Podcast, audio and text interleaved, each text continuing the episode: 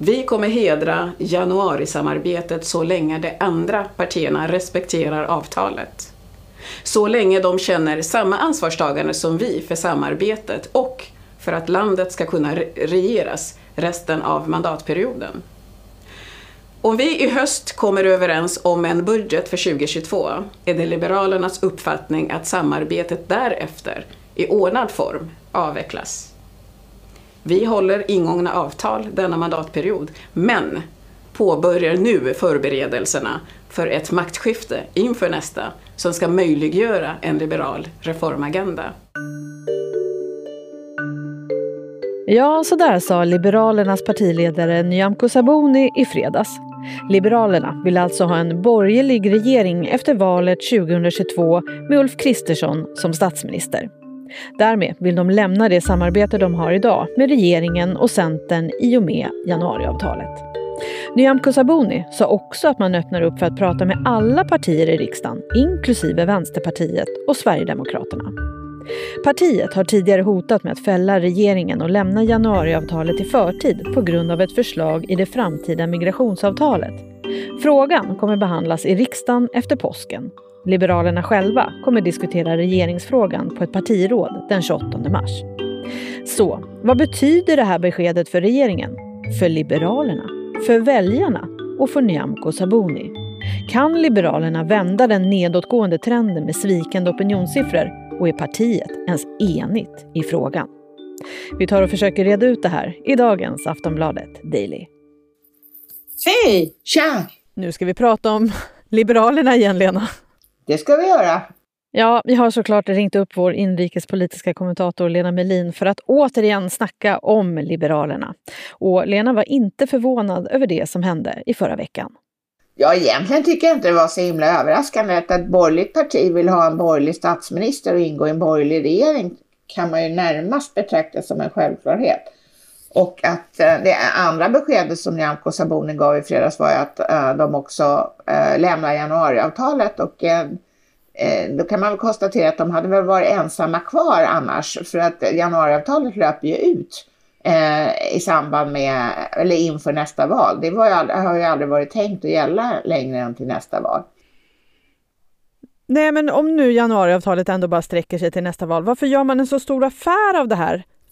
Det kan man fråga sig. Det var väl för att um, det här beskedet har ju så att säga det har ju varit väldigt oklart hur Nyamko Sabuni ska hantera det här dåliga läget för Liberalerna och det här var hennes svar. Men jag skulle vilja säga att hon kommer ju också med ett nytt besked och det är ju att äh, Liberalerna äh, kan tänka sig att samarbeta med Sverigedemokraterna i olika sakfrågor. Och det, detta tredje besked av de tre hon gav var ju däremot en nyhet.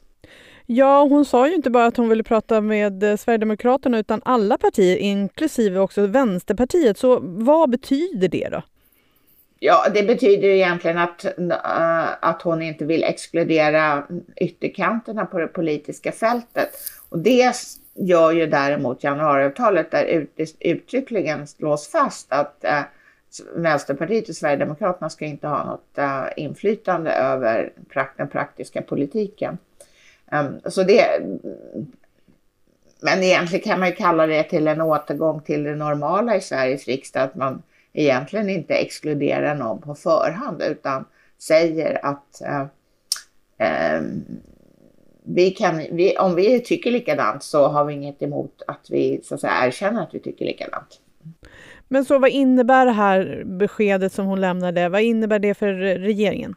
För den sittande regeringen så innebär det att, att Stefan Löfven får ju det svårare att göra om den här balanskonsten som han har ägnat sig åt sedan eh, januari 2019, det vill säga regera tillsammans med, med Miljöpartiet men också med stöd av Liberalerna och Centern.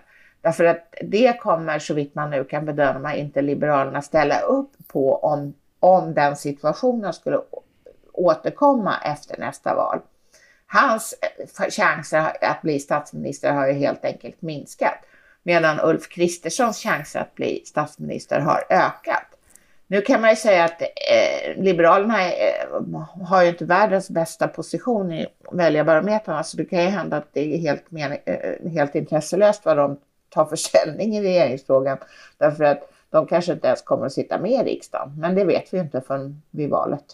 Lena, vi snackade i januari om det här, för redan då så sa ju Nyamko Sabuni att hon ville lämna januariavtalet om regeringen inte backade på en punkt i den nya migrationslagstiftningen. Hon står alltså helt enkelt fast vid det här. Ja, alltså, det kan, ja, men det hon nu har sagt är att de, kom, att de har för avsikt att göra upp om nästa års budget och det är ju det viktigaste eh, återstående punkten i januariavtalet, att de ska göra upp om nästa års budget. Men Eh, hon är, har ju då sagt att, att Liberalerna är beredda att spräcka januariavtalet på ett område som inte finns med i januariavtalet, nämligen migrationspolitiken. Och då på en ganska marginell del av den tilltänkta framtida migrationspolitiken som ännu inte ligger på riksdagens bord. Men kommer att göra det i mitten av april. Så det är väldigt mycket om och men. Och då så kan han ju naturligtvis då inte spräcka eh, eh, det här januariavtalet på grund av någonting som inte står där. Utan istället så hänvisar hon till de budgeteffekter som den här eh, lilla klausulen eh, kommer att ha. Den lilla klausulen i det framtida migrationspolitiska eh, ram, eh, ramverket. Om nu den här migrationsfrågan ändå inte ingår i januariavtalet, varför driver man ens den här? Ja, jag utgår från att eh, Nyamko Sabuni driver den därför att hon tror att det gynnar Liberalerna. Men jag kan säga att den här manövern som så att säga gjordes i fredags, det vill säga att partistyrelsen och riksdagsgruppen tog de, de här tre besluten som vi nyss gick igenom, eh, det har ju väckt väldigt ont blod inom Liberalerna. Så frågan är ju om, om, om det här har så att säga, stillat krisen inom Liberalerna eller gjort den ännu värre. Jag skulle tro det senare redan i fredags så meddelade Liberala ungdomsförbundet att de ställer sig absolut inte bakom det här. Partiets andre vice ordförande Christer Nylander gör det inte heller. Och eh, igår hade Liberalernas största enskilda distrikt, det vill säga det i Stockholm, möte och bestämde sig för att de står inte heller bakom det här beskedet eller det här beslutet. Nej, det var precis det jag skulle fråga om Liberalerna var eniga att lämna det här samarbetet och vad man tyckte om det som hände i fredags. Nej, alltså av de som hittills har yttrat sig så har jag tyvärr inte lyckats hitta någon som, som helhjärtat ställer sig bakom det här. Men det, och det, partistyrelsen och riksdags, eh, partistyrelsen var ju ytterst splittrad. Det var, röstsiffrorna var 13 mot 10. Så man kan ju säga att det var ungefär hälften hälften. Um, och det är klart att det är aldrig bra för ett parti att ha en sån här avgörande, frå avgörande ställningstagande som att så att säga åter att upprätta förbindelser med Sverigedemokraterna eh, som ju är politiskt har varit liksom omstritt under de tio år som eh, partiet har suttit i riksdagen, att man gör det med bara mm, hälften ungefär bakom sig är inte bra. Och tidigare så har man ju då hotat med att lämna avtalet och fälla regeringen och nu vill man alltså hedra avtalet fram till nästa val. Hur kommer det sig att det inte bara lämnar avtalet nu då? Jag tror inte att Liberalerna vill framstå som att de, eh, de eh, eh, inte håller sitt ord. Och jag skulle också vilja säga att det inte är supersäkert att de, att de faktiskt ställer sig bakom avtalet ända fram till och med i höst. Utan jag tror att det visar sig under våren här nu hur det här, för, beroende på hur det här förslaget så småningom kommer att se ut till den nya migrationslagstiftningen. Jag tror det kommer att, eftersom Liberalerna är så oerhört illa ute så kommer det uppstå nya situationer när Nyamko Sabuni eh, känner ett starkt behov av att vässa, eh, vässa, visa vässade klor och därmed liksom eh, ta plats eh, ta, eh, och ta plats själv och ge Liberalerna plats på den politiska scenen det kommer egentligen handla om deras överlevnad hela tiden. Det kommer liksom inte riktigt ha med, med, med något annat att göra tror jag. Skulle du säga att det är lite desperat?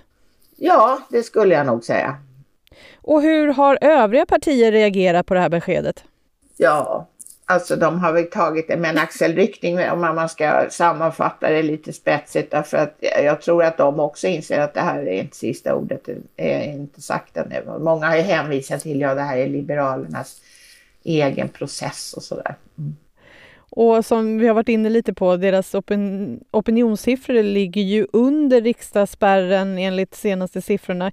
Kan det här betyda att förtroendet nu för Liberalerna vänder? Alltså det finns en chans till att det, att det skulle kunna öka stödet för Liberalerna i väljarbarometrarna och det är att eh, om vi hoppar tillbaka till valet 2018 så var det ju så att, att Liberalerna låg ju väldigt illa till även inför det valet och låg något bättre till än nu får man ändå säga, men, men dåligt i alla fall. Och det var en fråga om partiet skulle, skulle komma in i riksdagen eller inte. Och nu gjorde de det med överraskande eh, Alltså det gick överraskande bra för dem, även om man naturligtvis skulle kunna säga att det gick skitdåligt för att de fick 5,5 procent av, av rösterna.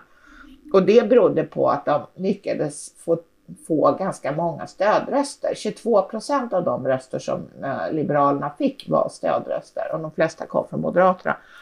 Och det kan ju hända att det här kan upprepas nu att när eh, moderata, moderata väljare alltså känner att okej, okay, de vill få till en, en borgerlig regering med Ulf Kristersson, då säger jag att jag ändå skulle rösta på Liberalerna för jag tänker göra det för att det hjälper Ulf att bli statsminister. Så att det skulle kunna bli så att det här leder till att Moderaternas siffror sjunker något och att Liberalernas ökar något. Men jag tror, ja, vi får se. Det är för tidigt att säga om, om det blir någon, eh, att det är en B, att det bär säkert och det blir den effekten. Och, vad, och förtroendet för Nyamko Sabuni då, vad tror du om det? Ja, alltså det är ju i botten redan så det är svårt att få ner det längre ner. Jag tror inte det kommer att öka. Och, och det som folk liksom nu är rejält upprörda över är väl det här med att hon öppnar upp för samarbetet med eh, Sverigedemokraterna? Ja, det är ju det som har orsakat eh, de här negativa reaktionerna inom Liberalerna. Och eh, man kan, eh, det var ju så att Alliansen sprack hösten 2018 efter förra valet på grund av synen på Sverigedemokraterna. Två partier ändrade sig, de gick ifrån eh, det gemensamma valdokumentet som de fyra partierna i Alliansen hade, hade, stod bakom och sa plötsligt att eh, de visst kunde tänka sig att regera med stöd av Sverigedemokraterna. Det var Moderaterna och Kristdemokraterna. Två partier gjorde inte det. Den ena, det ena partiet, det vill säga Centerpartiet, hade inga som helst problem med att fortfarande hålla fast vid den linje de hade gått till val på när det gäller Sverigedemokraterna. Det vill säga inget, inget samröre. Medan Liberalerna redan då var djupt splittrade, men inte så splittrade som de är idag. För då var det två tredjedelar som gick på den nu då den eh, partilinje som har gällt fram till nu och en tredjedel som var emot. Nu verkar det vara hälften hälften. Och jag tänker på hur har Sverigedemokraterna reagerat för att eh, Jimmy Åkesson sa ju för någon vecka sedan att han hoppades att eh, Liberalerna skulle åka ur riksdagen. Det tror jag han gör fortfarande. Eh, därför att det skulle ge dem eh, ytterligare spelrum. Så vad tror du Lena händer framöver? Ja, jag tror det kommer vara väldigt många turer faktiskt. Vi, inte, Jenny, vi kommer göra en ny podd om det här någon gång. Det kommer vi garanterat göra, Lena. Och det, men just med det här med Liberalerna, problem, alltså det är för att det, det, de är så illa ute så att man kan säga att de slåss med, desperat slåss. Och det kommer att ge upphov till många turer som måste diskuteras igenom. Tack för idag, Lena. Tack själv. Sist här hörde vi Lena Melin, inrikespolitisk kommentator på Aftonbladet. Jag heter Jenny Ågren och du har lyssnat på Aftonbladet Daily. Vi kommer ut med nya avsnitt måndag till fredag, så följ oss gärna i din poddspelare så missar du inga avsnitt. Vi hörs snart igen. Hej då!